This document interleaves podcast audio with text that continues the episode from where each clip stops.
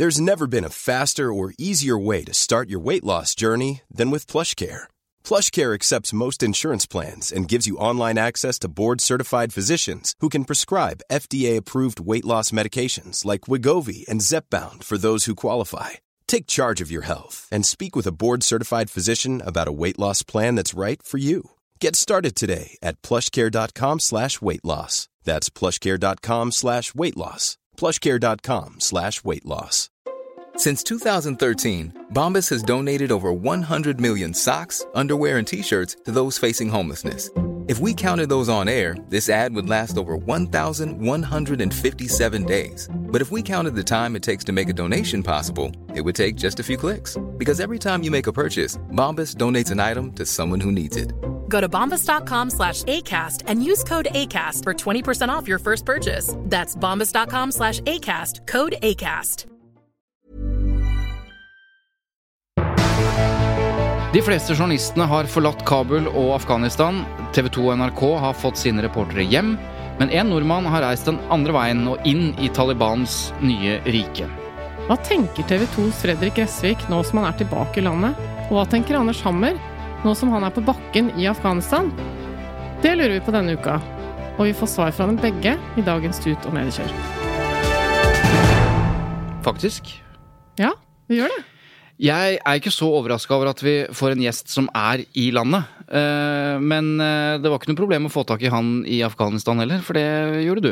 Ja, jeg gjorde det, og det må jeg innrømme at jeg er litt sånn eh, imponert over. Altså, jeg satt der Imponert hjemme og- over deg selv? Ja, eller jeg er litt imponert over at det går an nærmest å få tak i en som nå er inne i Afghanistan og ikke kan si hvor han er, og at jeg da kan snakke med han på telefon. Jeg han, men handler ikke det bare eh, om vanlig teknologi? At det er mulig å altså det er, Jo. altså, men- Infrastrukturen har ikke brutt fullstendig sammen. Nei mulig- ja. men nå var det mer at uh, han prioriterte å snakke med Sånn, ja. oss eh, når han er der og holder på med Ja, det. det det var mer det mer som jeg var litt uh, Ja, da imponert over. Ok, Men eh, før vi eh, går dit, eller drar dit, og snakker om, eh, om Afghanistan og uh, journalistenes eh, si, arbeidsvilkår i krig, så må vi ha runde rundt bordet. Vi må jo det. Vi har jo vært i Arendal. Vi har egentlig lovt uh, dere som hører på at vi skal si noe om det, men uh, vi hadde jo en sending fra Arendal, så jeg føler at vi har uh, sjekket ut det. Du er veldig ferdig med Arendal? Er ikke du veldig ferdig med Ja, egentlig ganske ferdig med Arendal, bortsett fra at jeg har litt behov for å, for å forklare hvor frustrert jeg er over disse terningkastene etter partilederdebatten, som oh, ja. jo foregikk i Arendal. Det jeg ikke skjønner, er Det er veldig mye fokus på terningkast Mm. i avisene. Eh, mange av dem uttrykker frustrasjon over å måtte kaste terninger. Mm. Og det jeg ikke skjønner, er eh, hvordan jeg som, eh, som medieleser skal forholde meg til disse terningene de triller. For at eh, journalistene og kommentatorene er jo objektive politisk, så de tar jo ikke stilling til Ja, det er det ikke, men de, Nei, de men altså, prøver, og de skriver, og de oppfører seg sett som så skal Ja, de være. Ja. objektive. Så de tar jo ikke stilling til hvem de er enig i når de skal vurdere eh, innsatsen i en partilederdebatt. Så de kaster terninger basert på egentlig kommunikasjonsferdighetene til de som er i debatten. Ja, egentlig. Altså, øh, ja, det er riktig. Sånn oppfatter jeg det. Eller i hvert fall hvor godt de mener at politikerne får fram sitt politiske budskap. Hvor bra de gjør det. Og du har jo helt rett. Det er jo i og for seg kommunikasjonsferdigheter de da Ja, Vurderer. Og da, da lurer jeg på liksom, hva er det jeg skal få ut av det?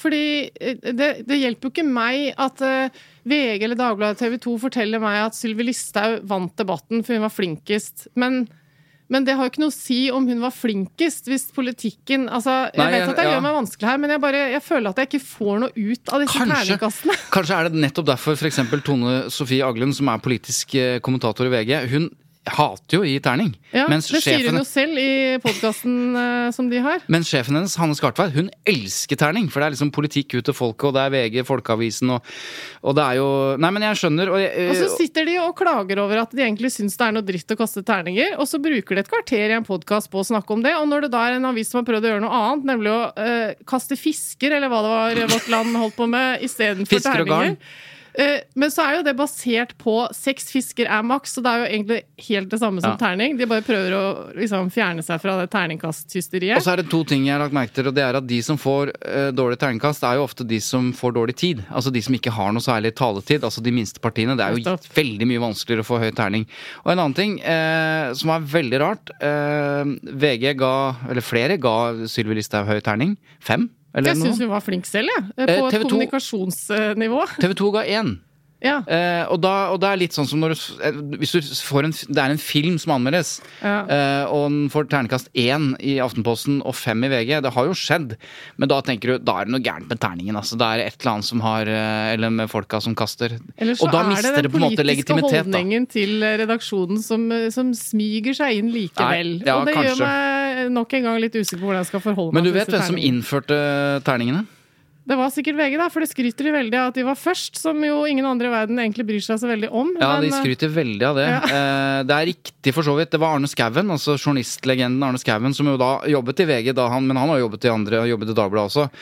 Eh, men Arne Skouen er, er jo ja, en legende innenfor journalistikken. Jeg vet ikke om han snur seg i grava eller ville gjort det hvis han hadde forstått og skjønt at uh, vi holder på sånn som vi holder på nå.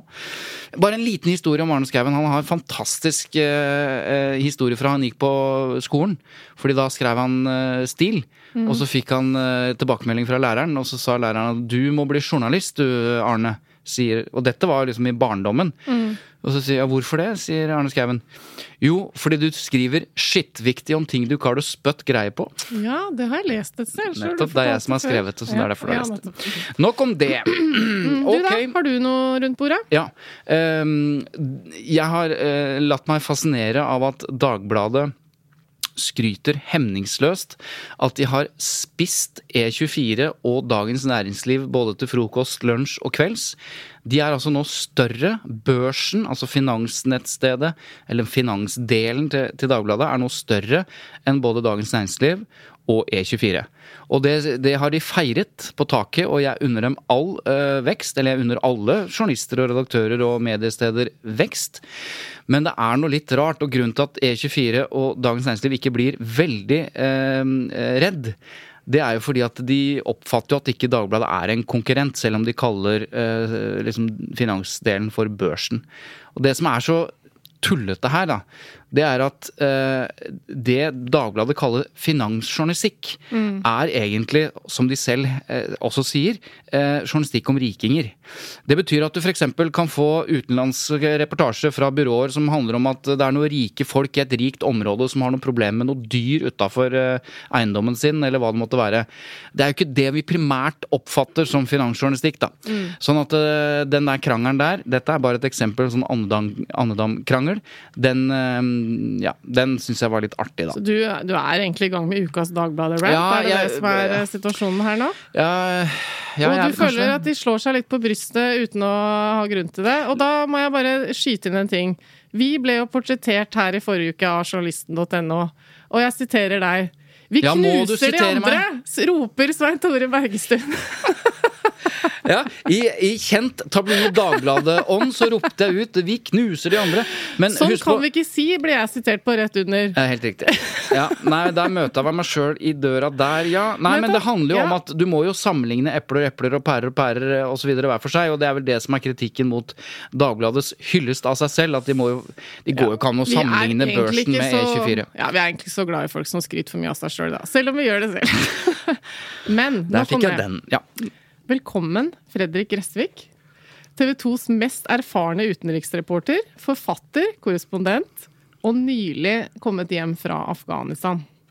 Takk. Var det alt du skulle si etter den innledningen? Det, det, det hørtes så mye ut. Jeg, jeg er nå journalist, da. Ja, og bare er så jeg har sagt som. det også når det gjelder deg, at jeg er like stoka over at du sitter her og tar deg tid til å være gjest hos oss, så tusen takk for det. Det var ikke så mange meterne jeg trengte å gå, så, så jeg syns det er fint at Anders eh, brukte tida si på å snakke med dere. som er på jobb. Men eh, også velkommen fra meg til deg, til en gammel kollega fra 90-tallet, da vi begge jobbet i, i TV 2. Altså, Det begynner jo å bli lenge siden. Hvor lenge har du jobbet med utenriksstoff i, i TV 2 nå? Jeg begynte i, eh, under OL i 94. Nettopp. Eh, Jeg husker det fordi den første saken jeg laget, den gikk da TV 2 viste at Tonja Harding røyk skolissa Ja. si. Ja. Så vi hadde serierekord. Vi hadde, vi satte en serierekord med den første saken min. Takket være Tony Harding. Eh, Den ble slått seinere, men eh, Så, så det, Tony Harding, Tony Harding er, er liksom årsaken til at vi har uh, kunnet se deg på skjermen i 30 år? Det vet jeg ikke, men eh, jeg hadde sikkert fortsatt uansett. Men, men eh, nei, siden 94. Februar 94. Og det har vært en ganske uh, interessant og brutal reise. Ja, altså det Hva er hovedforskjellen, eh, hvis du kan bare si det veldig kort, på å reise i krigsområder i dag og jobbe som utenriksreporter i dag, eh, kontra uh, i 95-96, da du var ute? Den største forskjellen er at uh, når jeg starta, så var det ingen som fikk tak i oss. Vi bare reiste ut og laget de sakene vi syntes vi skulle lage. Og så ringte vi kanskje på ettermiddagen eller på kvelden når vi kom tilbake. uh, Og, og sa hva vi hadde. Uh, Nå ringer redaktørene med innspill hele tiden. Som hvert, hver halvtime så er det en av dem som har et innspill til hva de syns vi skal gjøre. Så vi fikk jobbe litt i fred i gamle dager for redaktørene. Eh, Og nå skal de mene noe om alt vi, vi gjør, og de skal vite hver bevegelse av sikkerhetshensyn og, og så videre. Før så var de glad når vi ringte og sa at alt sto bra til sent på kvelden, eller kanskje neste dag. Hva syns du om det? Eh, Jeg syns at det var til tider enklere å jobbe før, uten alle disse tekniske hjelpemidlene, som også gjorde at vi ikke alltid fikk sakene på den samme uka vi filmet. Kanskje vi måtte ta med råstoffet hjem og klippe, og vi fikk mer tid til å jobbe med, med stoffet når vi var ute. Nå er det forventa at du leverer hver eneste dag. og Det er deadlines hele tiden. Deadlines hele tiden. Og sånn som i Afghanistan nå, så er det eh, et ønske om at jeg går live hele tiden. Mm. med, noen, med unntak av noen nattetimer. Både for egen kanal og for søsterkanalen vår i Sverige. Og Det er mye. Ja. Men eh, skaper det et stress når du er i en sånn konfliktområde, det at du har dårlig tid, rett og slett? At du må ut i situasjoner og, og gå litt fortere fram enn du kanskje ellers ville gjort? Ja, det gjør det. Eh, tidligere så, så kunne vi dra ut og gjøre de tingene vi hadde lyst til uten å bli forstyrra hele tiden. Mm. det må, vi må gå live hele tiden. Det er jo eh, det er noe som ligger i veien for å dra ut og lage historier, snakke med folk, se hva som skjer. Eh, men jeg tenker at det er en viktig jobb også. Det er derfor vi gjør det sånn. eh, At eh, jeg klarer å formidle de inntrykkene jeg har fått, selv om de blir begrensa i og med at det er så mye living. Og livingen ofte må skje, sånn som i Kabul, da, på et sted i nærheten av eh, der jeg har god forbindelse hjem. Altså på hotellet. Kabul. Kan du eh, ta oss med til Jeg hadde tenkt å si de siste timene. Eh, det kan vi komme tilbake til. Ta oss først med til eh, da du ankom Kabul. Kan du beskrive, sånn at vi forstår eh, bedre hvordan, hvordan det faktisk var der og utviklet seg de, de, de timene? Ja, planen var jo egentlig å være i Kabul akkurat nå. Jeg, har, jeg hadde planlagt dette lenge, lagd noen reportasjer opp mot 9-11, eh, 11.9., 20 år siden. Eh, Og så så jeg jo at Taliban gikk uhorvelig fort fram i mange byer. Tok den ene provinshovedstaden etter den andre, og så ringte jeg sjefen min fredagen før Kabuls fall og sa at eh, nå tror jeg faktisk vi må, jeg må dra nå. Hvis vi skal rekke å dra ned og komme tilbake igjen før Kabul har falt. For da var du i Norge, eller? Da var jeg i Norge. Ja, for vi husker deg jo fra USA. Ja, um, i det ja, jeg bor i USA, men Ja. jeg, var hjemme, skulle ha ferie da, liksom. Mm. så jeg eh, Vi ble enige om at jeg skulle dra ned så fort som mulig. Jeg fløy inn med det jeg tror er det siste sivile flyet som kom inn til Kabul. Klokka sju om morgenen søndagen. Og så ville de gjerne ha meg med på lufta så fort som mulig. Så sa jeg at jeg er trøtt, jeg har flydd i hele natt, jeg vil gjerne ta et par timer på øyet først. Eh, og så ringte de etter en time, da var jeg ganske forbanna. Jeg tenkte at jeg sa to timer, sånn at det er mulig å få litt fred. Eh, men da kunne de, hjemme da fortelle meg at Kabul hadde falt, og at presidenten hadde flykta. Mens du sov? Mens jeg sov. Jeg titta ut vinduet, det så for så vidt helt likt ut. Det var ingenting som var endret på utsiden av mitt hotellvindu. Så men, eh, men Kabul hadde da falt i mellomtiden. Da hadde Taliban inntatt presidentpalasset. Eh, Og den eh, afghanske hæren og sikkerhetsstyrken hadde lagt ned våpen og kapitulert. Mens jeg sov. men eh, jeg fikk nå rapportert om dette her, og eh, derfra gikk det ganske fort. I løpet av de neste ti timene så kom Taliban-styrkene rullende inn i byen. Eh, og det begrunnet Taliban selv med at politistyrkene er nå borte, så vi må ha noen til å holde ro og orden.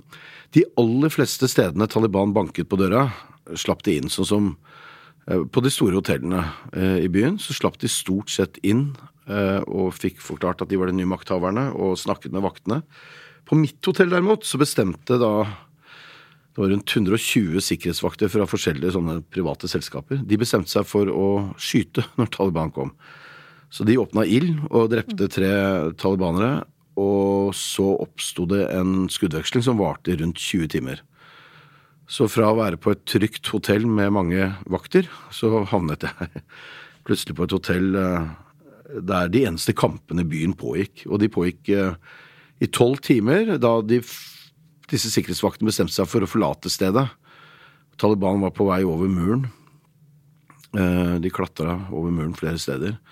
Så kom det et kompani med britiske soldater og støttet sikkerhetsvaktene. Og så kom det et par amerikanske kamphelikoptre som la seg over oss, og så fikk de kontroll. Og i det øyeblikket den britiske majoren fikk kontakt med Taliban-kommandøren nede i gata, så var alt egentlig helt greit. For da var det jo alt bare misforståelse. Så derfra så kunne de samarbeide. Men det Men tok da er du på hotellrommet ditt når alt dette foregår. Ja, hotellrommet og litt på utsiden der. For, ja. Og da opplever du at du er i reell fare da? Altså, Ja da, jeg var nok det. Jeg, jeg, det, kommer jo et par granater inn der og, sånn, så det, hvis du er på feil sted da, så kan jo det gå gærent. Mm. og hvis Taliban skulle ha stormet, så handler det jo om For meg da, så handler det jo om hvordan jeg skal tilkjennegi meg best mulig som journalist. Eh, så jeg hadde døra på vidt gap og satt i sofaen med pressevest på en stund da jeg trodde de var på veien, fordi de skal i hvert fall forstå at ikke jeg sitter der med våpen og er klar til å skyte. men, men kan jeg bare spørre, Hva er ditt inntrykk eh, av eh, Talibans eh, innstilling til vestlige journalister nå, i, i den Jeg situasjonen? hadde kontakt med Taliban dagen etter, og de var kjempegreie. Altså, de var innstilt på å tilrettelegge for at vi skulle formidle denne fredelige maktovertakingen Over, i, i Bagdad, nei, i, i Kabul. Eh, så det var, det var en ganske god stemning, og det er det, så vidt jeg vet, fortsatt mellom journalistene og Taliban. Noen av dem liker ikke at du tar bilder. Eh, Men, de, har, eh, de har opptrådt ganske bra. De utsteder pressekort og sier at eh, alle skal få være i fred. Og så vet jeg at de har gått etter afghanske journalister. Mm. Som ikke har skrevet eller omtalt Taliban i så vennlige vendinger. Det, det har de ikke mulighet til når det gjelder oss. Altså, de har ikke et etterretningsapparat som gjør at de vet hva Kan jeg bare, bare spole litt tilbake. Jeg bare øh, festet meg ved et bilde. Du sitter på hotellrommet um, med vidåpne dører på senga med pressevesten på.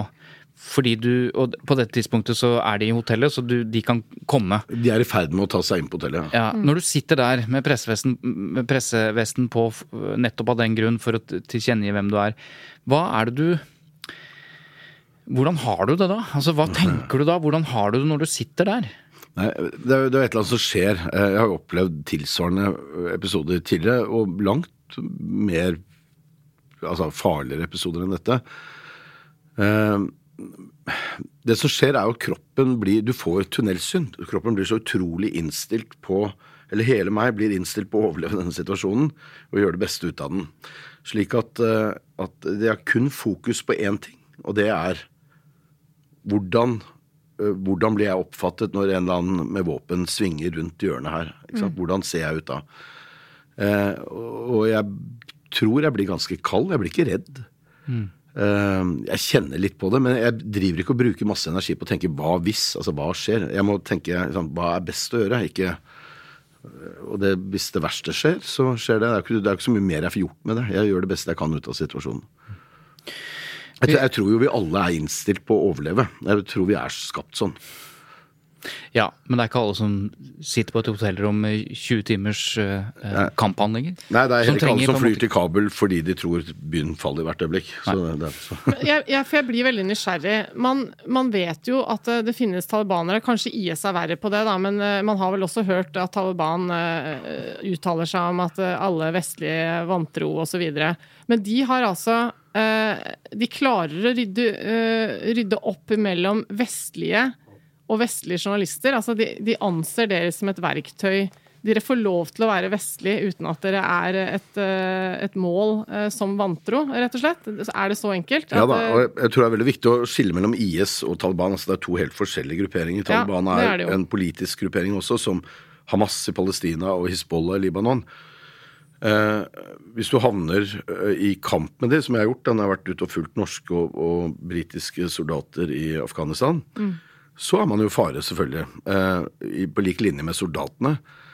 Eh, men Taliban, når de styrte fra 96 til 2001, så inviterte de vestlige journalister til landet. De fikk komme og, og lage reportasjer. Eh, sånn at det, dette er en gruppe som klarer å være ganske pragmatisk i forhold til de vestlige journalistene. Det jeg så mine kvinnelige kolleger gjorde, var jo over natta å stramme til litt når det gjelder, gjelder klesbruk. ikke sant? De går stort sett dekket i håret når de er ute i gatene i Kabul, men det ble litt mer. Passe på at det ikke var noen bare skuldre eller armer og så, sånne ting. Du, um, det er fristende å fortsette å, å få deg til å fortelle om, um, Kabul og Afghanistan. Denne podkasten handler jo uh, om journalistikk og hvordan journalister tar avgjørelser, eh, redaksjoner tar avgjørelser. Um, så jeg har lyst til å spørre deg om uh, hvor altså Selv om det høres uh, unødvendig ut å spørre om, hvorfor dro du hjem? Det er ikke unødvendig å spørre om det.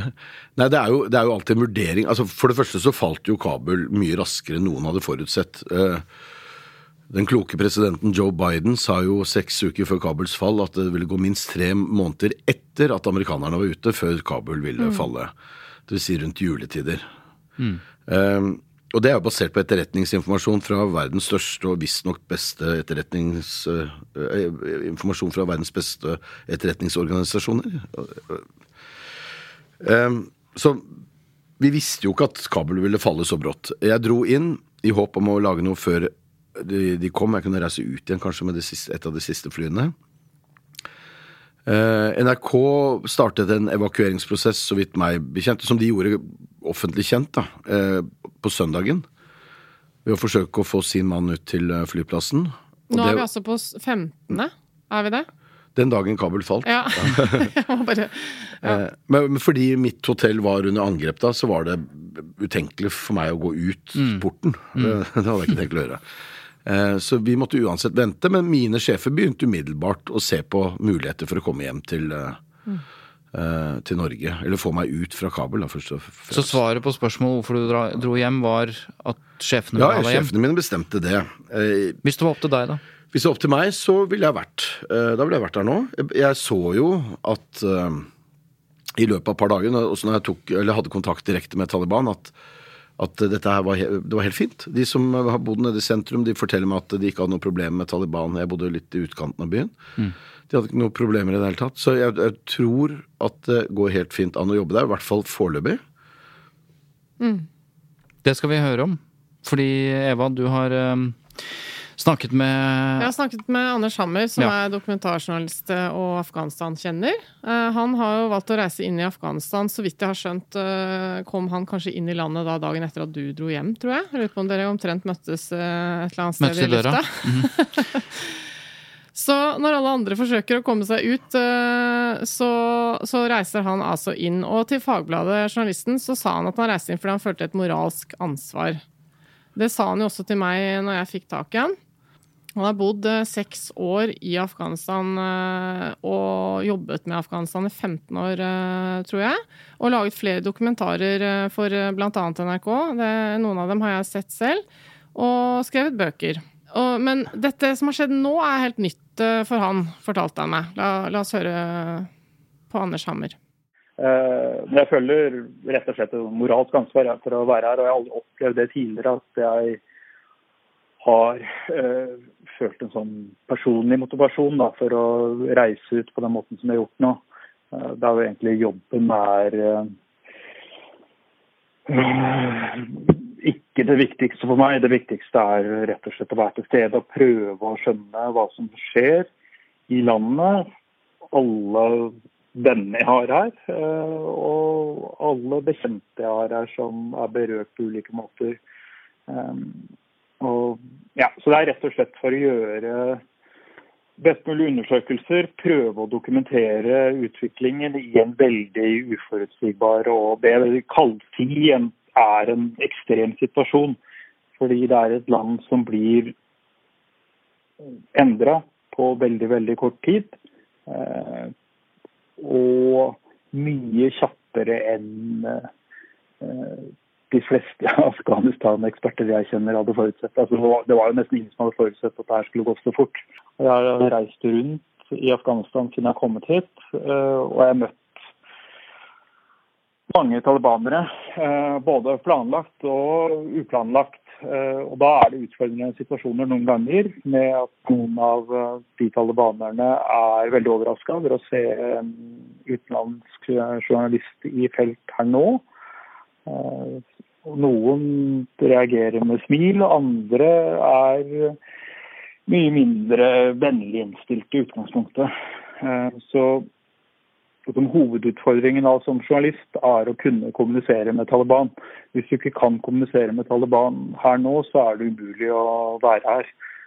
Og det høres kanskje litt sånn merkelig ut, og det er det jo på en måte. Men jeg har møtt Taliban før. Jeg lagde en lang dokumentar om Taliban for seks år siden, er det vel.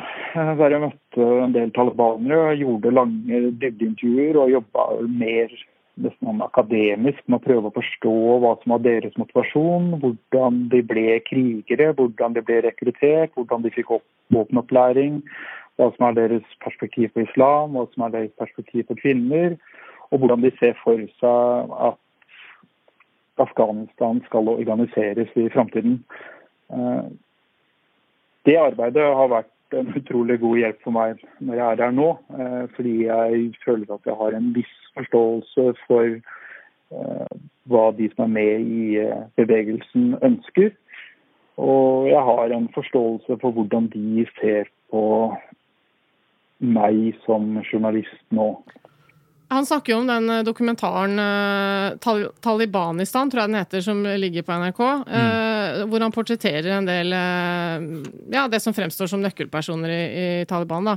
Og det er jo interessant, for dette, Tore, du snakker jo alltid veldig mye om at man skal gå inn i en intervjusituasjon med et åpent sinn, ikke være dømmende, ikke stille kritiske spørsmål for enhver pris. ikke sant? Fordi da får du ikke noe ut av intervjuobjektene dine. Og det tenkte jeg på da jeg så den dokumentaren. fordi eh, man, man, kjenner jo et behov for å liksom nærmest få et litt sånn kritisk blikk fra den, eh, fra den norske holdningen. Mm. Men det, det, den dokumentaren gjør, er jo bare å høre på hva de har å fortelle, og man får en viss idé om hvor de kommer fra, og hva som er motivasjonen, som man sier. da. Um, men altså, Bare kommenterer det altså, før vi går videre. Um, og dette kan Fredrik uh, mye bedre enn meg, men, men det, dette, vis, altså, dette, er jo forskningsbasert også, og mm. sikkert erfaringsbasert, som Fredrik kan si. Men, men, det er klart at hvis du ikke er i stand til uh, å innta en eller annen form for uh, profesjonell empati, da, som mm. jeg kaller det, eller det å vise at du forstår intervjuobjektets eh, situasjon, mm.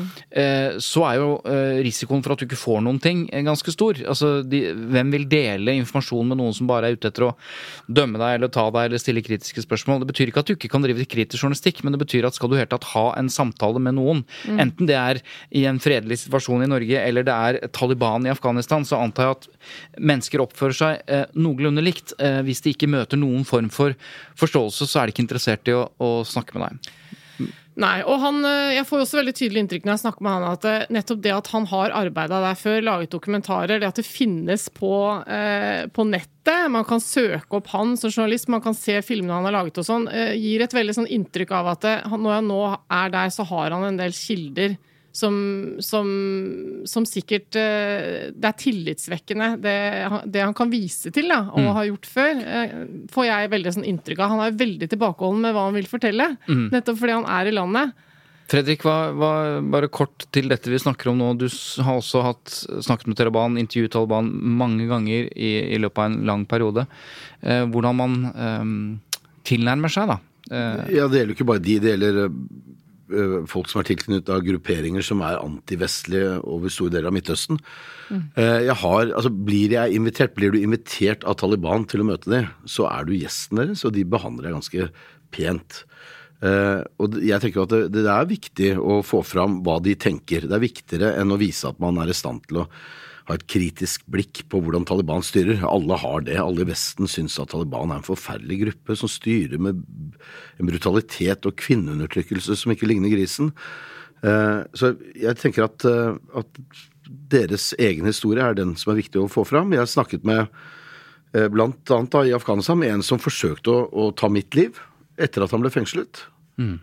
Eh, og jeg har ikke noe problem med å sette meg ned med han og be han om å fortelle sin historie. Eh, Og det er jo interessant å høre på, hva som har skapt ham, dette raseriet og sinnet han har mot vestlige borgere. Vi skal komme tilbake til akkurat eh, det, for det har jo sin, eh, sin historie for 13 år tilbake, da, da Karsten Thomassen ble drept i, i Afghanistan og du forsøkte å redde livet hans. Eh, Men du snakket også med Anders om, om dette med sikkerheten. Ja, nettopp. For han er jo nå der på eget ansvar. Han jobber jo ikke for noen, verken norske mediehus eller internasjonale. Så det jeg var nysgjerrig på, var jo hva, hva slags vurdering han gjorde rundt det.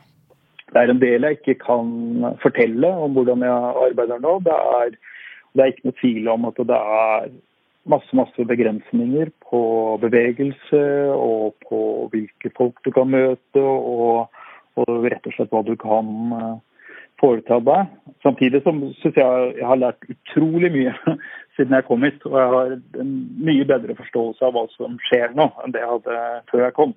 Jeg føler selv at jeg er en situasjon hvor jeg har roen til å kunne arbeide på en forsvarlig måte. Noe av det viktigste i en situasjon som det her, er å unngå stress. At du går for fort fram og måte jakte mot en deadline som kan sette deg i veldig farlige situasjoner. Eh, Så jeg er her på egen hånd. Jeg er her på egen risiko. Det er ingen sjefer verken i Norge eller noe annet sted i verden som har ansvar for meg. Jeg har ansvar for meg selv. Eh, Og det syns jeg egentlig er eh, veldig greit. Eh, Fordi jeg tror ikke det er noen i Norge som kan foreta bedre sikkerhetsvurderinger rundt min situasjon enn det jeg kan gjøre selv. Mulig det høres rart ut for noen i Norge, men jeg har altså, som sagt bodd her permanent i seks år. Jeg har jobba her i 15 år. Jeg har masse gode og masse dårlige erfaringer eh, gjennom alle de årene. Eh, ved å jobbe som journalist i Afghanistan, og jeg trekker veksler på alle de erfaringene nå. Og kommer til å gjøre det eh, i en periode, eh, men jeg tar en dag av gangen. Eh, og Det betyr også at hvis jeg nå eh, plutselig føler meg veldig utrygg, så kommer jeg til å forlate landet. Det er jo betryggende. eh, Men han reiste altså inn på eget ansvar. Og det spurte jeg også om, hvordan det var å komme seg inn da når alle reiste ut. Det sier han heller ikke så mye om, men eh, han sier at det fortsatt er flere journalister der inne. Det var ikke noe enkelt å komme inn her. Eh, er, Afghanistan er nesten stengt. Så det var en betydelig logistikkutfordring å bare ta seg inn i landet.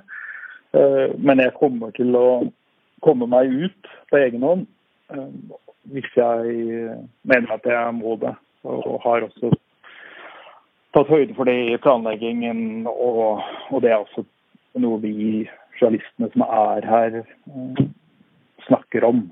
Det er jo da fortsatt eh, noen eh, utenlandske journalister og også lokale journalister som jobber her. Eh, Jeg kjenner en del av dem fra tidligere arbeid, og vi prøver også å hjelpe hverandre.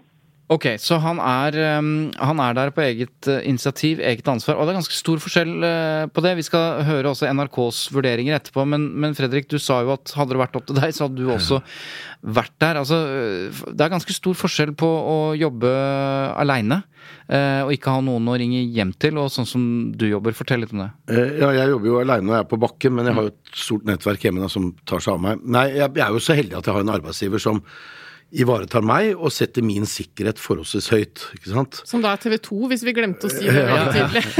Ja, TV 2 er en vennlig arbeidsplass. Eh, Man er opptatt av at folk har det bra på jobb, og at eh, jeg kommer eh, trygt og levende hjem fra, fra oppdrag. Mm. Og det er jeg glad for. De sender meg ut og vet at det er en risiko der ute, og den kan være ganske høy av og til. Men noen ganger så sier de at nei, nå kommer du hjem. Og da følger jeg de Altså det er jo det er, De spør jo ikke. Eh, Nei, fordi at når du er ansatt i TV 2, så kan ikke du nå si uansett hva dere sier, så vil jeg reise tilbake på eget ansvar. Det kan ikke nei, de tillate. Nei, det kan ikke de tillate. Nei. Men det gjør jeg jo heller ikke. Men uh, jeg syns jo det er kjempebra at noen gjør det. Mm. Uh, at Anders er der nå. Anders er den norske journalisten med mest erfaring fra Afghanistan. Uten, uten tvil. Det er kjempeviktig at han er der. Det er viktig at noen er der og rapporterer. Det er ikke nødvendig at alle er der. Eh, vi, vi, har, altså vi abonnerer jo på bilder og, og, tekst fra internasjonale byråer, så vi får det. Så jeg tenker at det at det er journalister på plass som dokumenterer det som skjer nå, det er viktig. Og dessverre så var ikke det meg denne gangen. og det er akkurat dette som, eh, som Anders uh, sier til deg, Eva, ikke sant? som han begrunner av moralske grunner, men også uh, på grunn av uh, mer eller mindre grunn til han velger å være journalist i disse områdene. Vi kan høre det til slutt. Ja. Jeg tenker at en del av grunnen til at jeg har lyst til å jobbe med journalistikk, er at man kan prøve å dokumentere aktuelle hendelser, og kan også være et tidsvitne. Eh, så jeg håper altså, ha en sånn idealforestilling da, om at ved at vi nå også fortsatt jobber her, så kan vi fungere som en form for observatører som dokumenterer og rapporterer hva som skjer. Jeg syns selv det var utrolig forvirrende å forstå hva som skjedde her eh, da jeg var eh, tilbake i Norge. Og jeg tror det er veldig mange nå som er veldig urolige og veldig usikre på hva som egentlig skjer i Afghanistan. Eh, det er kjempeutfordrende å prøve å få oversikt over det her, men det er i hvert fall mye Det gir dem i hvert fall en del flere muligheter ved å være på bakken da, og faktisk møte folk og se utviklingen selv.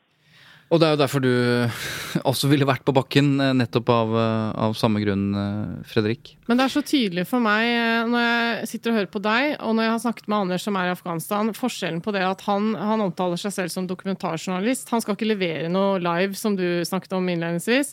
Han har ikke noe deadlines, han har ikke noen sjefer som maser om nyhetene klokka ni, vi må vite noe nytt osv. Uh, og han var veldig tydelig på det at uh, det som eventuelt uh, er farlig, det er hvis han må stresse for å komme seg inn i situasjoner. Eh, og jeg prøvde å spørre, Det er vanskelig for oss hjemme å se for oss hvordan er det du går ut på gata. Står det folk med gevær? Står Taliban der? Skal de se et pressekort? Hvordan er det det foregår? Hvordan vet du at du er journalist? Alt det her. Ja. Og han sa jo det at eh, noen ganger så er det rett og slett sånn at eh, vi må google navnet mitt, så de kan se at jeg Ikke sant? Og så lurte jeg også på det der med Eh, er det man, man, kan jo føle at eh, det, det, finnes representanter for Taliban når man ser på TV-bildene, som, som, rett og slett kan ha en dårlig dag, og da blir du plaffa ned. Det inntrykket sitter man med her hjemme. Det virker veldig sånn uoversiktlig. Hva er din erfaring eh, med det? Jo, Vi har jo sett bilder av at Taliban, eller Taliban-tilknytta grupper har gått ganske hardt til verks når de har tatt områder i Afghanistan utenfor Kabul. I Kabul så tror jeg nok Taliban har sørget for å sette inn folk som eh, er lojale til ledelsen, og som ledelsen har kontroll på.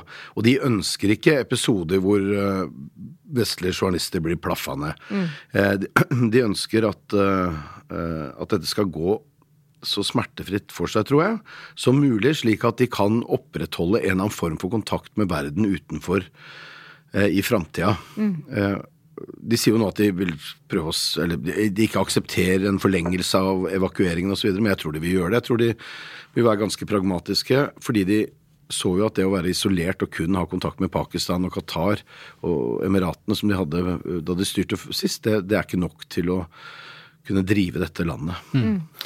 Vi kunne gjerne snakket mye mer om situasjonen i Afghanistan, ikke minst den desperasjonen som nå det rapporteres om, om, om det bare fortsetter å pøse på eh, med folk mot, eh, mot eh, flyplassen. Eh, UD melder om at det er eh, fare for, eh, for, selvmordsangrep fra, ikke da fra Taliban, men fra andre typer grupperinger osv. Yes, men nå handler jo dette her om, om journalistikk da, og journalister, så jeg har lyst til å, før du skal svare på noen lytterspørsmål, Fredrik, for jeg har fått masse lyttespørsmål knyttet til nettopp arbeidsvilkår i krigssoner osv. Men jeg har lyst til å spørre deg, fordi jeg så du uh, var sammen med datteren din uh, etter at du kom hjem. Uh, vi var inne på det. For 13 år siden så var du i Afghanistan, forsøkte å redde livet til Dagbladets journalist Karsten Thomassen, sammen med andre krigsfotograf Harald Henden i VG. Som var der på besøk sammen med utenriksminister Jonas Ja, det var et utenriks... Eh, Eller Hotell Serena. Jeg bare prøver å gi Ja, kontekst, for det er ikke alle som har like god hukommelse som deg, Sant. Tore. Eh, Hotell Serena, og det er Mm. laget Fredrik har skrevet bok og laget dokumentar om dette osv. Men fortell, når du nå, ikke sant, nå igjen tilbake igjen, eller ut av Kabul, hvordan kan du forsvare When you're ready to pop the question, the last thing you want to do is second guess the ring. At Bluenile.com, you can design a one of a kind ring with the ease and convenience of shopping online. Choose your diamond and setting. When you find the one, you'll get it delivered right to your door. Go to Bluenile.com and use promo code LISTEN to get $50 off your purchase of $500 or more. That's code LISTEN at Bluenile.com for $50 off your purchase. Bluenile.com code LISTEN. Millions of people have lost weight with personalized plans from Noom, like Evan, who can't stand salads and still lost 50 pounds. Salads, generally, for most people, are the easy button, right? For me, that wasn't an option. I never really was a salad guy. That's just not who I am. But Noom worked for me.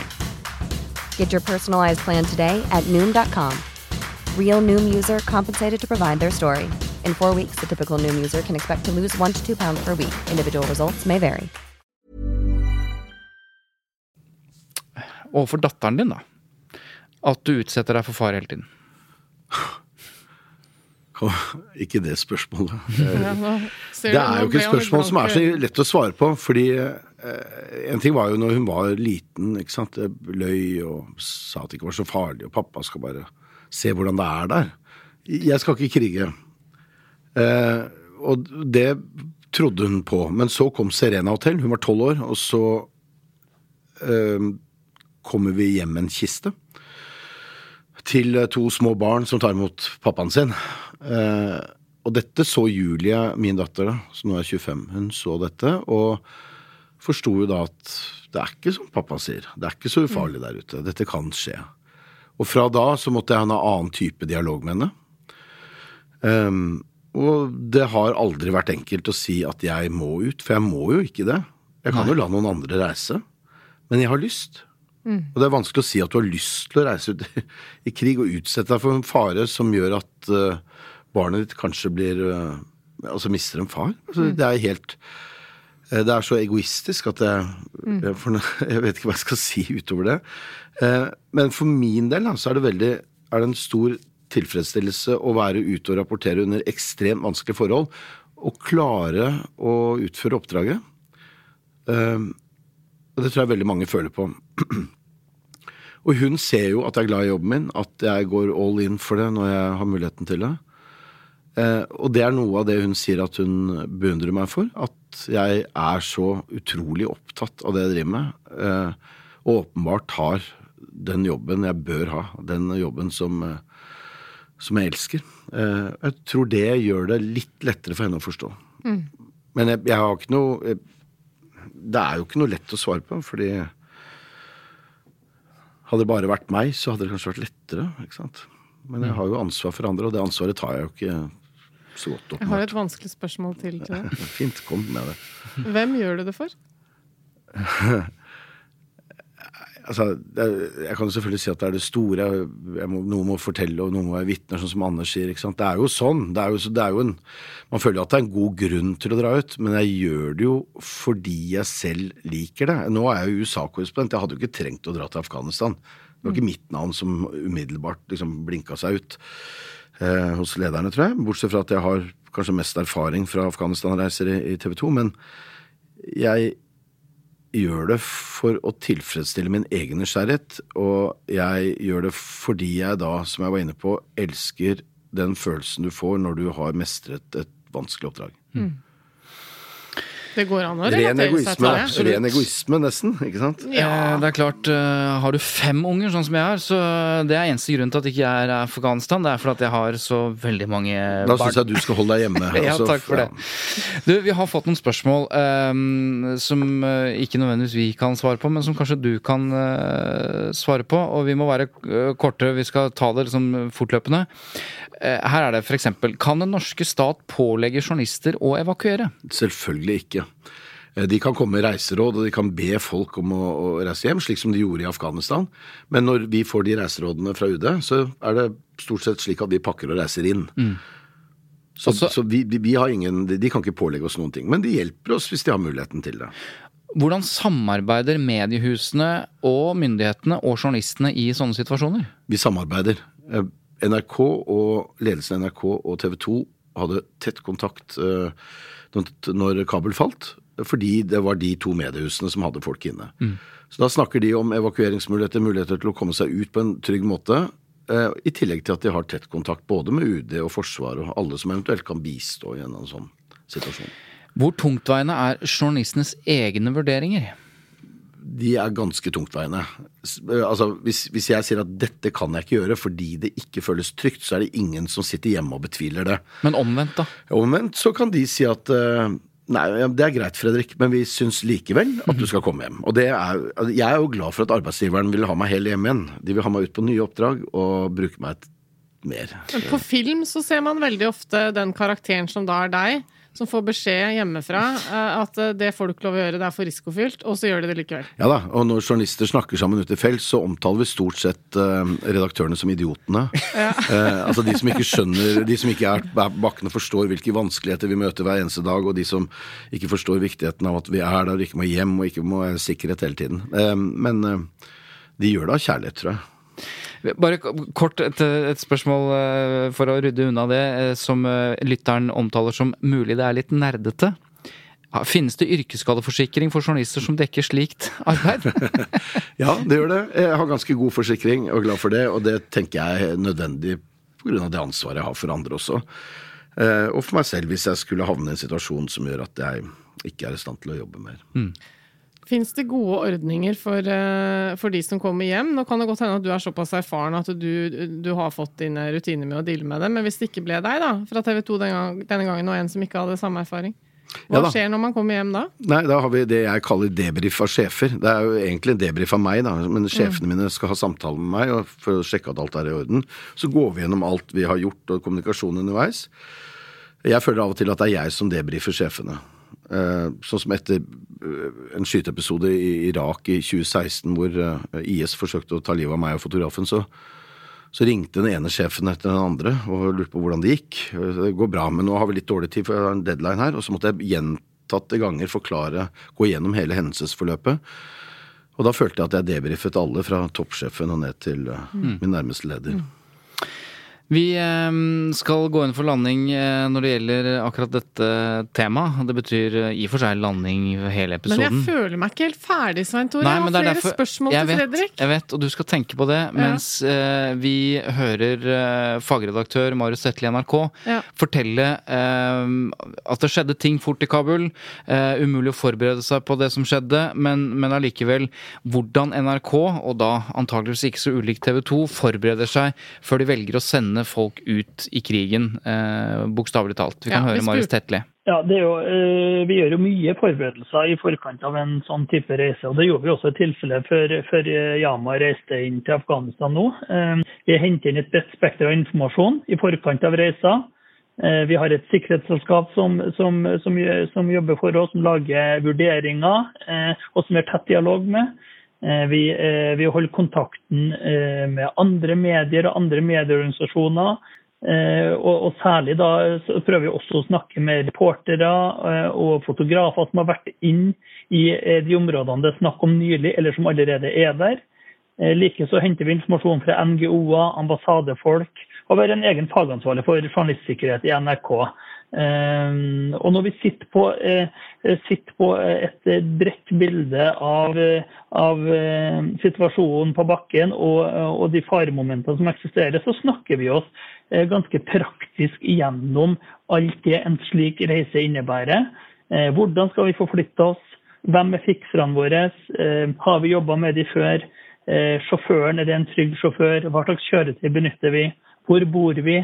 Eh, Hva slags sikkerhetsutstyr skal, vi, eh, sikkerhetsutstyr skal vi ta med oss og bruke? Hva slags kommunikasjonsmuligheter har vi? Rutiner for å holde kontakt med hjemmeredaksjon? Og så snakker vi oss gjennom situasjoner som kan oppstå, hvordan vi skal håndtere det, og, og tegne opp ulike scenarioer. Ja, han snakker om fikser. Er det en form for eh, reiseleder eh, for journalister? Ja, det, er, en form for det. Det er selskaper bl.a. i Kabel som tilbyr altså det de kaller field producer, eller feltprodusenter. Mm. Som er folk som kan hjelpe deg med ja, søknader om papirer hvis du skal gjøre et eller annet. Søknad om å filme, som eh, setter deg i kontakt med folk, eh, som finner intervjuobjekter. Og som fungerer som tolker der det er nødvendig. Ja. Eh, og jeg har brukt det mange steder i verden. Veldig praktisk. Det er en slags eh, tilrettelegger for alt mulig rart. Men det er jo også noen er, altså, Jeg snakket mye med Harald Henden, eh, fotograf i VG, om, om dette tidligere. Eh, I forbindelse med det prosjektet men, så, som jeg hadde med han. Men, eh, og da eh, snakket jo han om fiksere som han har altså, tilbake, altså, Man blir nærmest venner og kollegaer med fiksere enkelte steder i verden. Altså Er han i Midtøsten eller Libanon eller hva det måtte være i Palestina, så er det faste folk som han blir nære kolleger eh, med.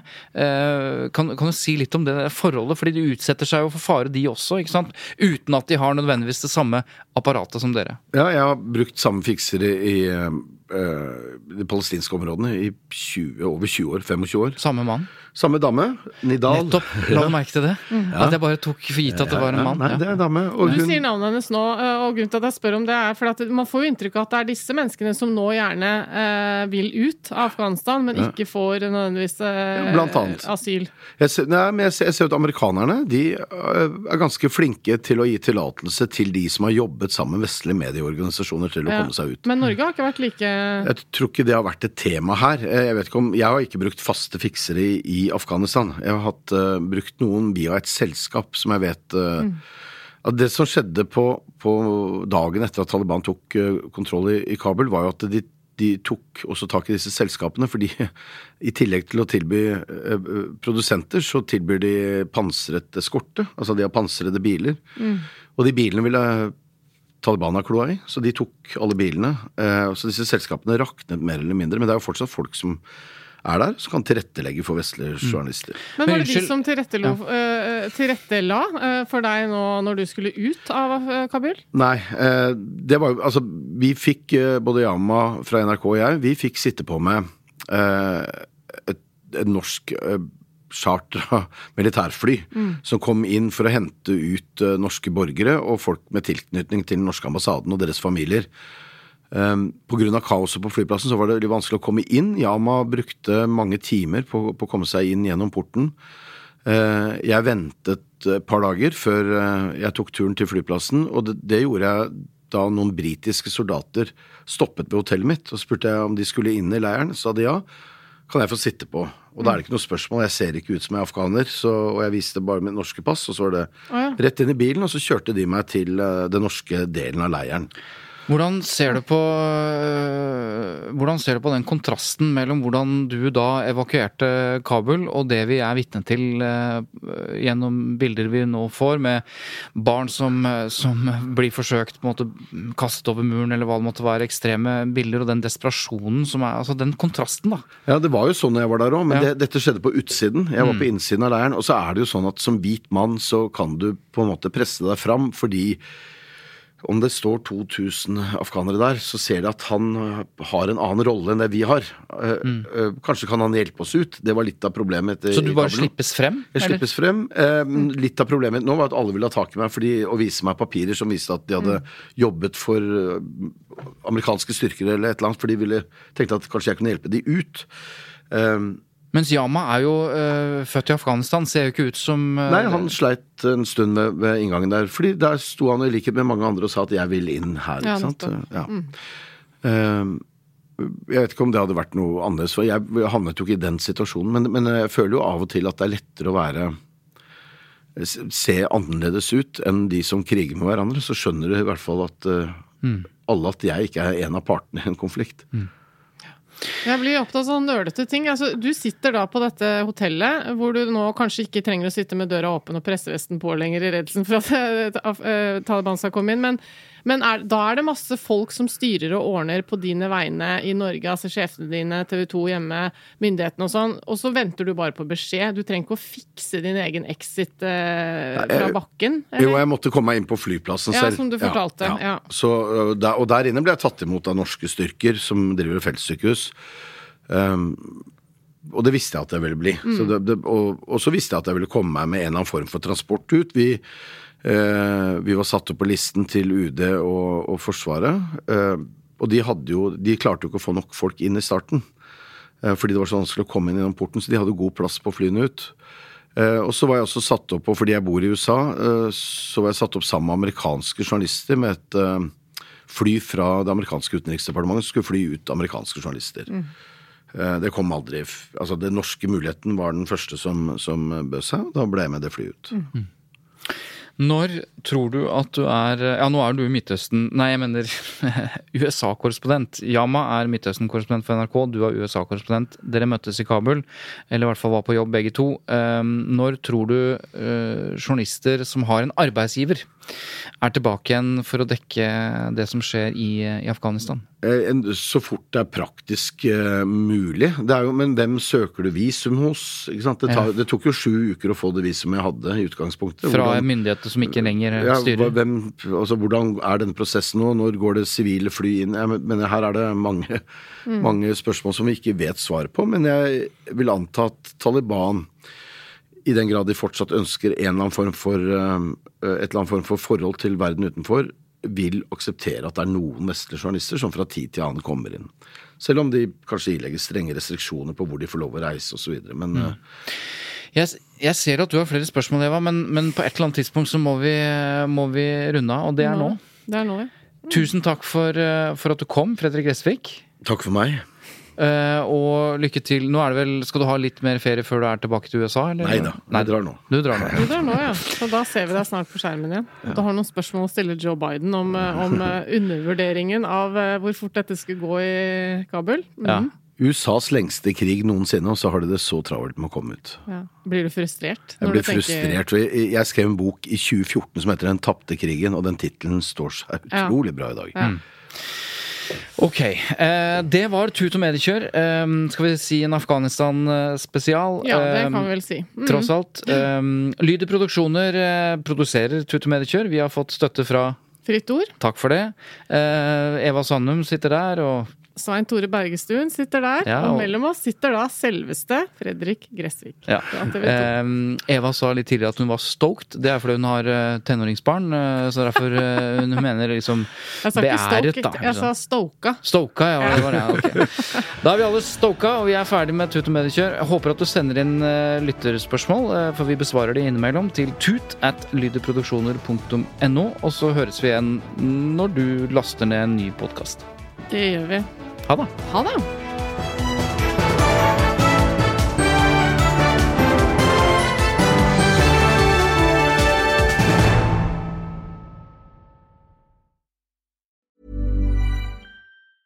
Normally, being a little extra can be a bit much, but when it comes to healthcare, it pays to be extra.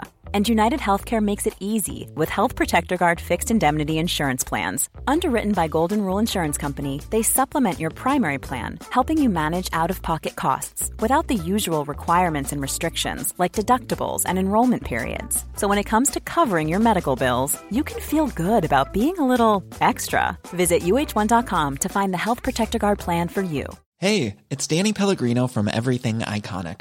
Ready to upgrade your style game without blowing your budget? Check out Quince. They've got all the good stuff shirts and polos, activewear, and fine leather goods, all at 50 to 80% less than other high end brands.